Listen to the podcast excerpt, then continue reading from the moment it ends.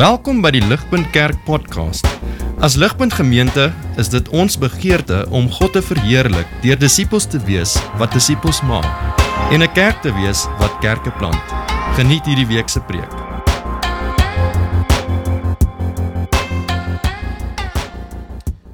Soos wat ons dink uh, vanoggend oor oor leierskap en die regte tipe leierskap wil ehm um, wil, wil ek hê ons moet net dink oor leierskap. Leierskap het in die laaste 100 jaar on, ontplof. Dit het 'n 'n veld geword in sy eie. Uh, ek bedoel alles van van boeke, konferensies, besighede, besighede wat jou net oplei, hulle doen net leadership training. Uh, daar's daar's motivational speakers wat letterlik al hulle geld maak deur net praatjies lewer oor leierskap. Uh, alles het net om, ontplof in terme van van wat leierskap is vandag. CEOs vandag, die grootste CEOs vandag, hulle kan nie net slim besigheidsmense wees nie. Hulle moet ook experts wees op leierskap. En natuurlik in die laaste paar jaar het was hierdie space nogals regtig beïnvloed deur die kerk.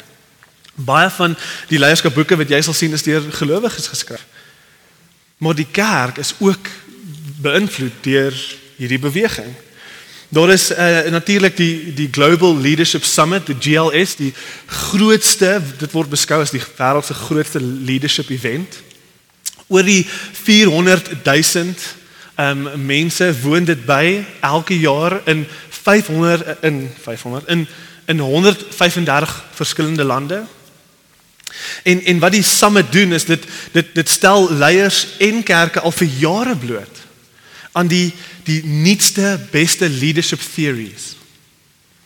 En en wat hulle doen is hulle vat juis die die die beste kerke, die mense van die grootste beste kerke, wat sê hulle oor leierskap, maar hulle wat hulle ook doen is hulle vat die grootste nuutste fancyste besighede.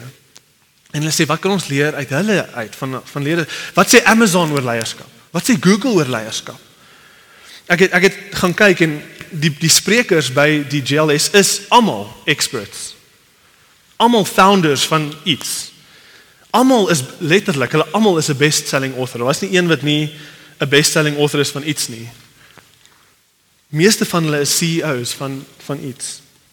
Ek het al twee GLS's bygewoon. Dit was besonder. Van die goedes wat ek daar geleer het, pas ek toe. Daar's soveel dinge wat waardevol was, maar soos wat ek gedink het aan hierdie teks, En soos ek gedink het aan leierskap en en, en hoe hoe leierskap met ontplof het in die laaste 100 jaar en hoe dit die kerke beïnvloed het. Was was my vraag net hierdie. Hoe lyk dit vir ons om as kerk? Hoe lyk dit vir ons om te leer by Google oor leierskap? Hoe lyk dit om te leer by Google oor leierskap, efficiency en productivity en om daai goeders hier in die kerk toe te pas? Vir hoe lyk dit vir hierdie twee wêrelde wêrelde om om saam te smelt? Die, die besigheidswêreld en die kerkwêreld en hierdie beginsels. Om om in die kerk uh, sy werk hof te doen. Sienende dat ons beoog om twee baie verskillende goeders te bereik. En daar is soveel navorsing soveel boeke oor oor leierskap wat vir ons probeer sê hoe leierskap moet lyk. En gedeeltelik luister ons daar's daar's waarde daar hoor my daar's waarde daar Maar hier's die vraag.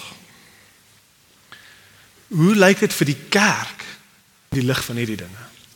Nie vir nie vir nie, nie oor die algemeen nie. Hoe lyk dit spesifiek vir die kerk om beïnvloed te word deur hierdie dinge? Ek het 'n 'n boek wat my besonder gehelp het met met hierdie preek. Um Paul David Tripp het 'n boek geskryf Lead. En hy praat oor um die die duisende pastore wat elke jaar val, die duisende kerke wat wat in in allerlei gemors betrokke raak. Elke jaar. En en hy sê hierdie hierdie hierdie is 'n quote wat ek saam met julle lees. Hy vra net hierdie vraag. En, en ek dink hierdie vraag is so behulpsaam vir ons per inleiding. Hoor wat sê hy? Hy sê could it be that we have structured local church leadership the way leaders relate to one another, the way uh, we form a leader's job description, and the everyday lifestyle of leadership community that it may be contributing factors to pastoral failure, to the rise and fall of leaders, personality cults, church splits, and leaders burning out, and so forth. In kerke, in kerke, hy praat vir kerke. Could it be that we are looking to the wrong models to understand how to lead? Could it be that we have become so enamored with corporate models of leadership that we have lost sight of the deeper gospel insights and values? Hierdie is die vraag wat ons hopelik kan beantwoord en kan sien wat Paulus vir ons sê vanuit 1 Korintiërs 3. So ons gaan ons gaan na twee punte kyk om hierdie vraag te beantwoord. Nommer 1 sê Paulus vir ons in vers 10 tot 17 bou versigtig. Hy sê bou versigtig want jy het een fondasie. Daar's net een fondasie. En punt nommer 2 bou versigtig want van natuur steen julle van natuur steen julle op julle eie wysheid, op wêreldse wysheid. So net daai twee punte. Daar's net een fondasie en van natuur steen ons op wêreldse wysheid. So kom spring sommer reguit in die eerste punt in. Paulus sê bou versigtig want daar's net een fondasie. So so die eerste ding wat ons sien soos wat ons hierdie teks lees is Paulus verander die prentjie. Laasweek het, Paulus vir ons gepraat van van van 'n plaas, 'n veld. Die kerk is is is 'n plaas, die die, die opbrengs, die, die arbeiders, jy weet party plant, party water, God alleen gee die groei. Maar kyk nou in vers 10, hy verander die prentjie. Hy sê according to the grace of God given to me like a skilled master builder, I laid the foundation, ek Paulus, but someone else is building upon it. Let each one take care how he builds upon it. So so Paulus het die fondasie gelê. Die prentjie is nou anders. Ons is nou bouers. Ons is nie meer arbeiders op die plaas nie. En en dit maak sin. Hy het die kerk geplant. Hy het hy het die fondasie gelê. Maar, maar nou kom ander mense en hulle bou op sy fondasie en dis reg. Hy het geen klagtes nie. Dis hoe dit moet wees. Anders soos Paulus Apollos moet water waar uh, waar, Paulus geplant het. Ander moet bou waar hy die fondasie neergelê het. Maar maar wie is wie is die bouers?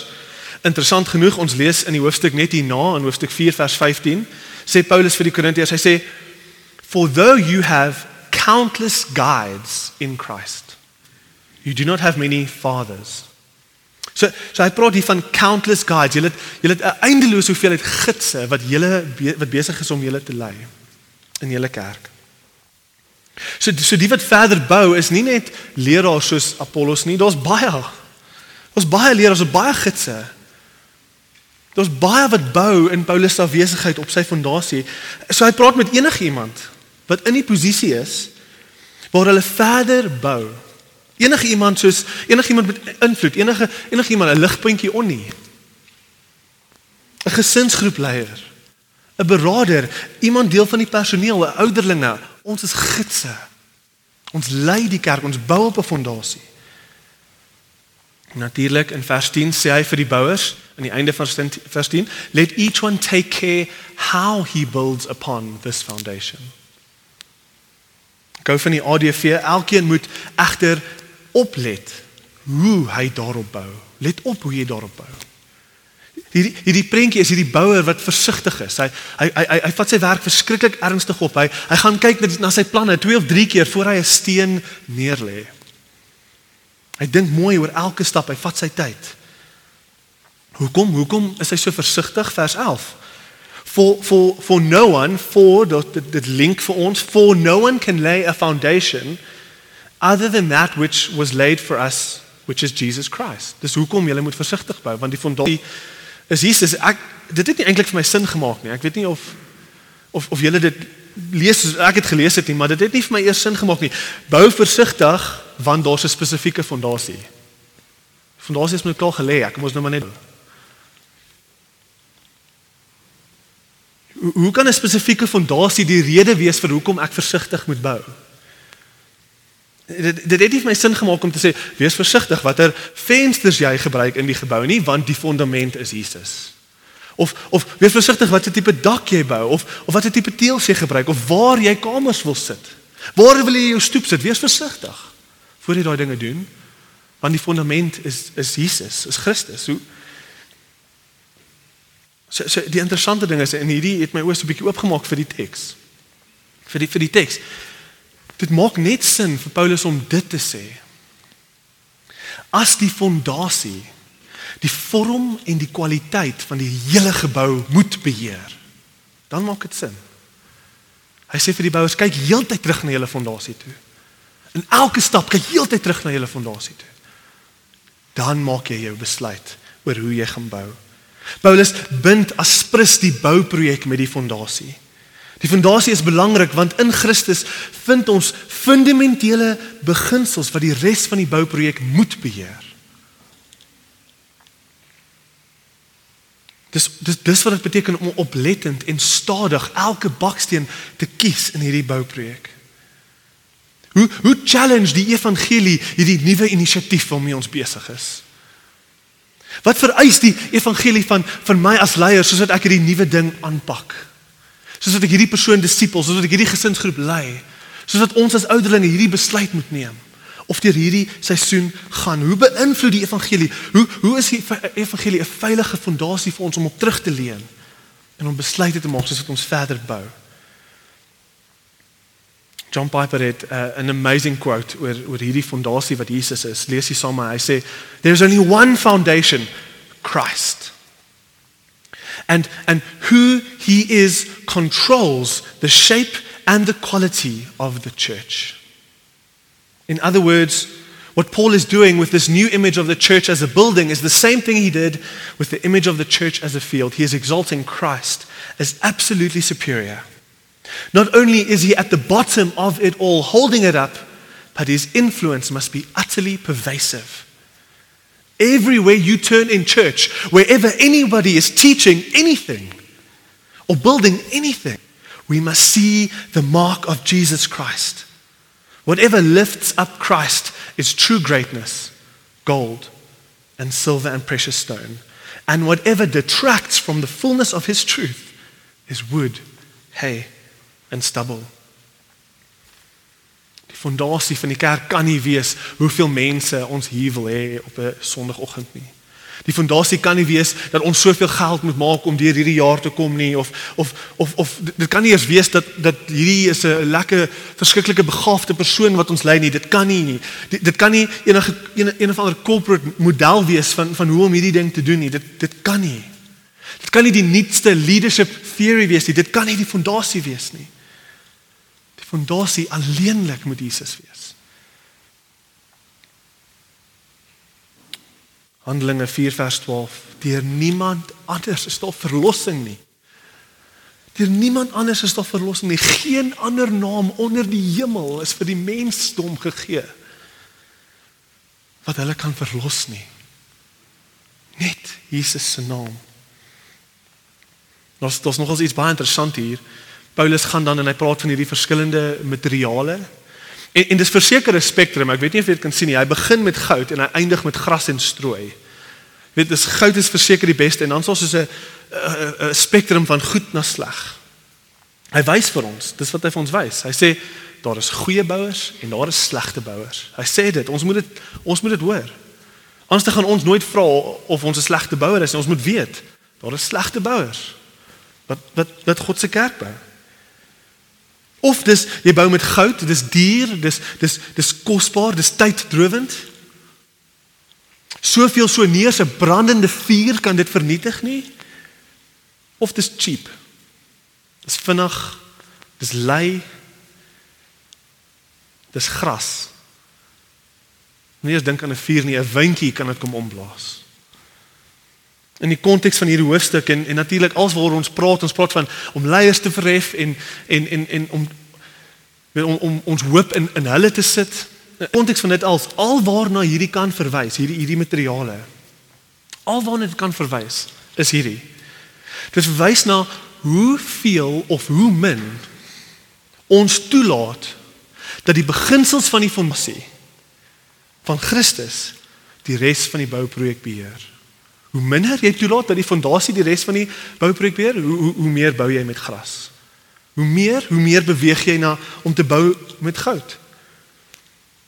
Ons ons bou met gras wanneer ons te veel maak van onsself en ons leiers.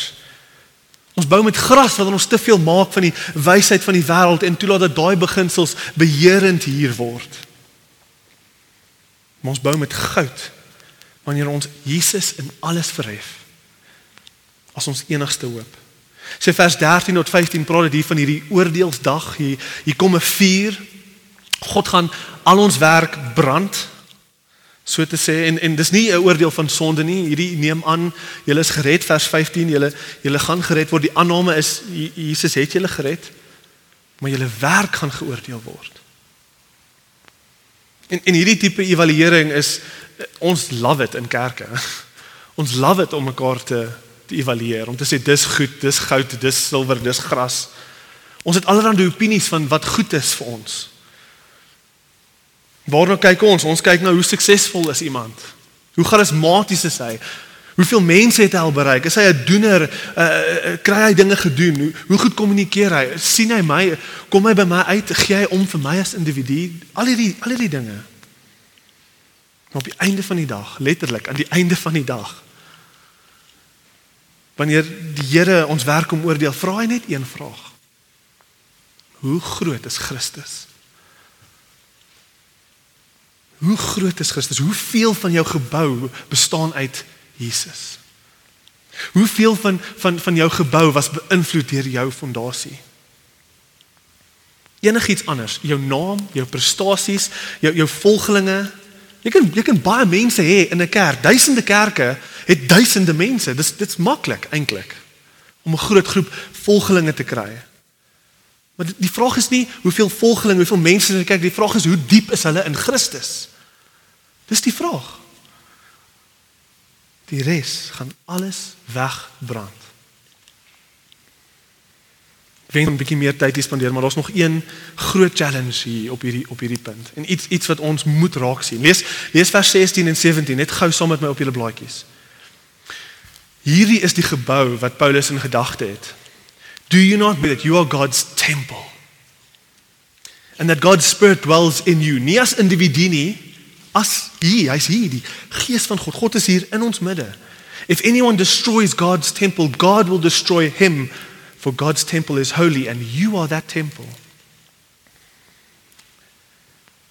Die Here kan net iemand vernietig wat nie in sy seun Jesus vertrou vir verlossing nie. En so al hoe mens 'n slegter bouer kan wees as iemand wat bou met gras.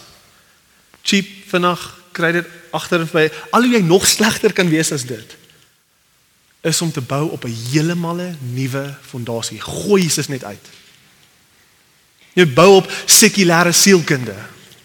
Bou op die health and wealth gospel. Bou op die Ou Testament se se wette en en dit as die basis vir jou redding. Bou op daai goed. Of bou op jouself. Hoe, hoe klink Johan van Aswegen International Ministries? Bou op jouself. Twee dinge gebeur wanneer jy die fondasie wegvat. Jy vernietig wanneer Jesus vernietig die fondasie dan vernietig jy die kerk. Dit is nie meer 'n kerk nie. Dit word van een of ander social of motivational of money making club, dis wat dit word. En dis okay, laat hulle aangaan met wat hulle doen, dis wat hulle wil hê. Jesus is weg, dan is dit nie meer 'n kerk nie. Maar tweedens, is 'n waarskuwing. Is 'n waarskuwing as as jy as jy verantwoordelik is vir dit. God is passievol oor sy kerk. Hy het 'n brandende liefde vir sy kerk. As jy veroorsaak dat Jesus nie meer as fondasie van die kerk is nie, dan gaan hy jou vernietig. So. Kom ons bou versigtig. Kom ons gaan terug na die plan toe, soveel as wat ons moet, so, terug na die fondasie toe, soveel as wat ons moet. Kom ons bou versigtig want ons het net een fondasie. Jesus Christus. Dit bring ons na die tweede punt toe, bou versigtig. So so dis nog steeds die tema, dis nog steeds die groot opdrag, bou versigtig. Want van natuur steen julle op wêreldse wysheid. Hoor wat sê Paulus in, in vers 18 en 19, julle kan sommer volg op julle blaadjies. Let no one deceive himself. If anyone among you thinks that that he is wise in this age, let him become a fool that he may become wise. For the wisdom of this world is folly, is foolishness to God. So so so kom gou saam met my. Verbeel julle gou. Julle staan voor die gekruisigde Messias. Daar hang hy. Hy hang met spykers deur sy hande. Kaal.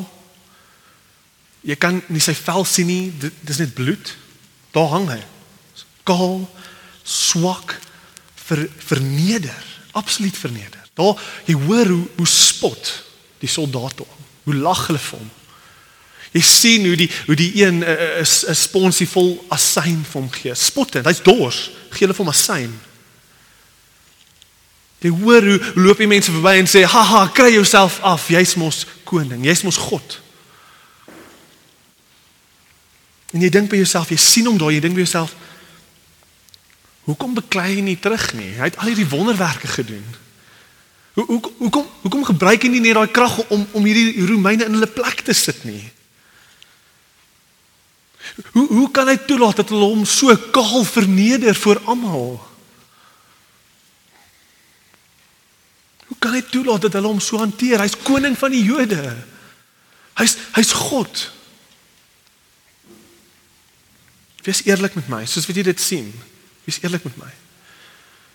Sou jy gesê het, dis die redder van die verlore mensdom? Sou jy gesê het dis die mensdom se enigste hoop in lewe of in dood? Daai persoon, daai daai daai God mens wat daar hang, so verneder. Wat so vergelag word. Wat homself nie eens van die kruis kom afhaal nie. Sou jy gesê het dis die redder van die wêreld? Nee. Daar's nie 'n manier nie. Jy sou nie. Want in ons eie wysheid in die wysheid van die wêreld, in die wysheid wat van natuur wat maklik kom, dis ons default. Mis ons God se wysheid.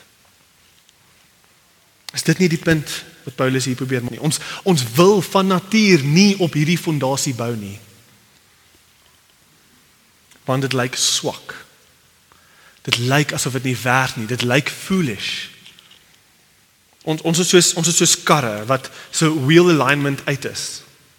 Het jy al ooit op 'n lang trip gegaan en dan jy klim net op die N1 en jy begin lekker net op 'n reguit pad kom en dan begin jy besef jy jou kar gaan net heeltyd links. Heeltyd, hy gaan net heeltyd links.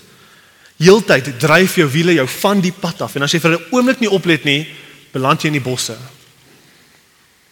Dis ons natuur, dis ons is, dis hoe sonde ons beïnvloed. Dis dis hoe wysheid, die wêreld se wysheid ons beïnvloed. Ons ons wheel align met ons uit. Ons wil net heeltyd links gaan.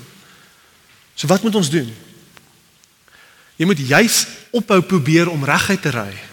Dit gaan nie werk nie. As jy wheel align is, dan moet jy eintlik in die teenoorgestelde draai. Jy moet regs begin gaan en dan moet jy jou stuurwiel maar nou so vashou. Dan gaan jy nou maar reguit. Kyk wat sê Paulus, if anyone think you are wise by the standards of this age. As jy dink jy gaan reguit. jy is besig om links te gaan. Jy is besig om van die pad af te ry. Jy dink jy's okay, jy's as jy 1 graad af is dan eindig jy nie by jou bestemming. Jy's besig om van die pad af te gaan. So wat moet jy doen? If you think you are wise by the standards, become fools. Draai regs. Doen wat onnatuurlik voel. Dit voel nie, dit voel verkeerd om so te ry op op die pad, maar dan dan gaan jy reguit. Become fools that you might become wise. Laat gaan van wat jy dink reg is. Ons moet so intentioneel bewus wees van ons neiging dat ons die stuurwiel radikaal regs hou om reguit te kan gaan. En dit gaan onnatuurlik voel. Dit gaan onnatuurlik voel. Ons moet ons moet so laat gaan van ons neigings om te wil vashou aan die die goeie wyse standaarde van hierdie wêreld. En asprus die die stuurwiel hou in die teenoorgestelde rigting. Hoor hoe praat uh, Paul Tripp weer in hierdie boek Lead van van van hierdie neiging in ons. Hoor hoe beskryf hy dit? Dit is so goed. Dis 'n quote, jy kan saam lees. Hy sê here is the reality that should sober every one of us. There is sin in every church and ministry leadership community because sin still resides in the heart of every leader. So either we are denying our sin to ourselves and hiding it from others, opsie 1, daar is kan nie wegkom nie. So of or we are admitting its presence to ourselves and confessing it to others. Net een van daai twee kan waar wees van ons as 'n gemeenskap. Of ons steek dit weg of ons is besig om dit te bely. But if the acceptance and the respect of fellow leaders or of the most powerful leader in the room becomes more important to us than honesty within ourselves, before God, and in relationship to one another, we give room for sin to germinate, grow, and take control. Perhaps one of the most dangerous yet seductive temptations to pride in leaders is the desire to appear to fellow leaders as though they lead as being more righteous than they actually are. Communities where leaders fall are often communities in which humble confession is not encouraged. It's, it's not only not encouraged, it is silenced by a whole range of unspoken fears, one of which is, is the fear of, of, of, one of which is the fear of, uh, that a greater fear for leaders than fear of, fear of God.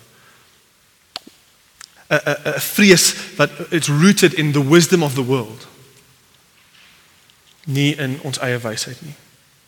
Nie in in die wysheid van God nie. Sonde is is is in ons natuur. Hoor wat sê Paulus in vers 18. Do not be deceived. Dis dis daar's 'n leuen nie. Daar's iets wat jou blind maak. Is wat ons blind maak is die feit dat ons dink sonde nie meer 'n realiteit is waarmee ons moet sit. Soveel moet sit dat ons ons ons beplan daarvoor. Ons werk daarvoor is dis absolute realiteit. Dit moet hier wees want dit is hier. Dit kan nie nie hier wees nie, dan steek ons dit weg. Leierskap wat wat nie lewe met die realiteit van sonde elke dag nie, is 'n leierskap wat meer bekommerd is oor ons ons reputasie as oor eerlikheid vir God. Om om te bou op Jesus, om te herbou op die ware evangelie, op op op die fondasie wat Jesus is is om te begin by stap 1. Ons is sondaars. Ons is sondaars. Ons neig links met alles in ons, neig ons links. Dit beteken geestelike leierskap is anders as enige dis dis anders as enige ander leierskap. Leierskap in die kerk is anders as enige ander leierskap. Ons word so in die werksplek deur konferensies, deur boeke die idee gegee uh, dat dat goeie leierskap is om juis sterk te lyk. Dis goeie leierskap. Goeie leierskap, ek is sterk, ek is in beheer. Kyk, ek weet wat aangaan. Ek het al die antwoorde. Kom na my toe. Ek's 'n goeie leier, ek het al die antwoorde. Ek is die expert. Jy wil nie vir enige iemand, jy wil nie enige iemand ooit respek verloor vir jou nie. So jy laat nooit toe dat enige iemand ooit sien hoe swak jy regtig is nie. Dis wêreldse wysheid. Dis leierskap van natuur. Geestelike leierskap is anders want jy hoef nie die expert te wees nie. Jy hoef nie al die antwoorde te hê nie. Jy moenie perfek wees nie. Inteendeel, jy begin by stap 1, jy erken ek is 'n sondaar. Geestelike leierskap is is anders. Become fools if you think you are wise by the standards of this age. Become fools. Geestelike leierskap sien sonde as 'n werklike elke dag se realiteit waarmee ons moet deel. Dis 'n tipe leierskap wat sê hier is my swakhede. Dis geestelike leierskap. Hier is my swakhede. Hier is my sonde. Hier is my tekortkominge, hier is my insecurities, hierdie is wie ek is. sien my in al my sonde. Ek is 'n sondaar. Kyk, ek is 'n fool. Ek het nie al die antwoorde nie. Inteendeel. Inteendeel, ek het nie al die antwoorde nie. Hierdie is geestelike leierskap. In die lig van alles wat waar is vir my, kyk hoe lief is Jesus vir my. Kyk sy genade vir my ten spyte van my. Kyk hoe werk sy genade in en deur my. Kyk hoe kyk hoe kyk kyk hoe werk die, die sy kruisdood vir my in my sonde. Kyk kyk hierdie liefde van hierdie redder, Jesus Christus. Dis geestelike leierskap. Kyk hoe swak is ek en kyk hoe mooi is hy. Ek lei 'n gesinsgroep. Uh, ek het 'n gesinsgroep in die aanddiens. Net soos baie van julle wat gesinsgroepe lei. Hierdie is wat Paulus van julle vra van my af vra vanoggend. Weet die mense in ons gesinsgroep weet hulle van ons sonde? Van dit waarmee ons sukkel, ons huweliksprobleme, weet hulle? Weet hulle dat jy voel soos mislukkings van ouers? Weet hulle jy bid nie genoeg nie? Weet hulle jy lees nie genoeg Bybel nie? Weet hulle daar's groot dele van julle lewe waar jy sukkel om die evangelie te glo? Of hou jy terug want jy kry skaam? Want as jy terughou, as jy terughou, dan gaan dit vir jou oor wat hulle van jou dink. Wil jy iets wees in hulle oë? Wil jy perfek wees? Wil jy al die antwoorde hê? Ons moet erken dat dat dit dalk dalk sê ons dalk sê ons net niks nie.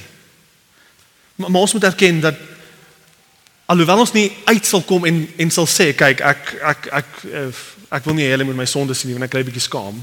Ons sal dit nooit sê nie, maar ons moet erken wat ons sê deur niks te sê nie is deur ons sê baie deur niks te sê nie. Wat sê ons deur niks te sê oor ons swakhede nie? Ons ons skep dieselfde idee, ons skep hierdie idee dat dat ek gekies is om leier te wees omdat ek dit reg kry. Ons word geroep in hierdie teks om te bou op die fondasie van Jesus wat die wêreld gered het in sy swakheid in sy dood. Ons word geroep om in ons swakheid, in ons sonde om dit vir mense te wys en vir hulle te wys hoe ons vertrou in Jesus om ons te red ten spyte van daai gebrokenheid. Ons word geroep om vir ons mense te wys hoe ons beklei vir Jesus se genade in ons eie sondes. Nie dat ons dit reg kry nie. Maar 'n geestelike leierskap lei mense selfs Hulle lei mense selfs wanneer hulle vir hulle bely ek sukkel om die evangelie hier te glo. Ons mense moet sien hoe sukkel ons. Anders gaan dit nooit oukei okay wees om gebroken te wees nie. Anders gaan dit nooit oukei okay wees om 'n sondaar te wees nie. Ons mense moet sien hoe ten spyte van van wat ons sukkel om te glo en al ons tekortkominge ons nog steeds vashou aan die evangelie want ons is ons enigste hoop. Ons mense moet dit sien. Want dan gaan hulle dan gaan dit oukei okay wees vir hulle om hulle gebrokenheid vir jou te wys. Om om te lei vanuit jou swakheid, vanuit jou sonde, vanuit jou gebrokenheid. Dit is om God te vertrou met groei. Laasweek se preek. Want jou mense gaan sien jy is nie die antwoord nie. Dis om te lei vanuit foolishness Want dit maak nie vir ons van natuur sin dat in my swakheid God gaan werk nie. Dat God sy naam gaan groot maak nie. Hierdie hierdie tipe geestelike leierskap kan net waar wees van ons in Jesus. Jesus alleen kan kan die vaste rots en die veilige plek wees vir ons. Wanneer net wanneer ons vas staan op hom as rots kan ons in die chaos van ons lewe uitgaan en uitgooi. Ons kan vir almal sê kyk, dis chaos hier binne. Want ek staan vas op Jesus. Voel veilig in hom. Hy gee vir ons die sekuriteit om te kan lei vanuit ons swakhede af. Vanuit ons gebrokenheid. Want wanneer ons as leiers op diep besef dat hy al ons sondes vergewe het, dat hy werk teen spyte van jou, dat hy elke dag besig is om jou te hernie, dat hy nog steeds weet dat elke liewe sonde wat jy al ooit gepleeg het, verlede, nou, toekoms, alles is op die kruis. Net dan in daai veiligheid, net dan kan ons fools maak van onsself. En hom die ware redder maak van mense. Ligpunt ons moet die harde werk doen om te kyk na ons strukture. Om te kyk na hoe ons ons gesinsgroepe lei na die kultuur wat ons geskep het oor die laaste paar jaar. Ons moet kyk hoe ver links het ons nou maar reg geneig. Ons moet dit weet. Ons moet daai vraag vra. Ons moet daai moeilike werk doen sodat ons die trots en die onafhanklikheid en die weggesteekte sonde sodat ons daai gewoontes kan breek. Dat ons daai strukture kan afbou en dat ons kan herbou op die ware en enigste fondasie Jesus Christus. Dit is wat dit beteken om God te vertrou vir groei. Om nie in jouself te vertrou nie. Inteendeel. Ek wil afsluit met met hierdie hierdie woorde. En en een of 'n challenge. In 1 Korintiërs 2, ons het dit al gedoen. Ek wil julle herinner aan aan aan hoe hoe het Paulus gelyk? Hoe het Paulus gelyk toe hy by die Korintiërs aangekom het? Toe hy die kerk geplant het? Lees hierdie saam met my 1 Korintiërs 2 2 tot 5. Kyk wie was hierdie man. For I decided to know nothing among you except Jesus Christ and him crucified. And I was with you in weakness and in fear and much trembling. And my speech and my message were not in, in plausible words of wisdom, but hierdie is waar die krag gelê het in sy swakheid but in demonstration of the Spirit and of power, so that your faith might not rest in the wisdom of men, but in the power of God. Ligpunt, hierdie is wat God se woord vir ons vanoggend sê. Dis oukei okay vir ons om 'n gebroke kerk te wees. Ons moet dit net sê nie. Dis oukei okay vir ons om 'n kerk te wees vol sondaars. Dis oukei okay vir ons om deur 'n moeilike seisoen te gaan. Hoekom? Want vir die eerste keer dryf God ons na die einde van onsself toe sodat ons op wie moet vertrou? Sodat wie se naam weer groot gemaak moet word? Jesus se. Jesus se. Amen. Kom ek sluit af en bid vir ons. Magtige God en Vader, U is so so so genadig. Vader ons bely ons ons ons dryf links. O, on, ons vertrou in ons eie wysheid. Ons probeer die antwoord wees op elke probleem. Vader nederig ons as gemeente. Vader dryf ons tot die uiterste waar ons hoop opgee op ons af en finaal en al sê no more boasting in human leaders. No more boasting in men. No more boasting in myself. Net Jesus. Dryf ons na daai plek toe. Vader help ons om om ons stuurwiel so te draai dat dit onnatuurlik voel maar dat ons ons ons swakheid bely ons nederigheid bly dat ons terug kan kom Vader. En weer reguit kan ry. Bid dit als in Jesus naam alleen. Amen Vir meer inligting oor Ligpunt Kerk, besoek gerus ons webwerf op www.ligpunt.com of kontak ons gerus by info@ligpunt.com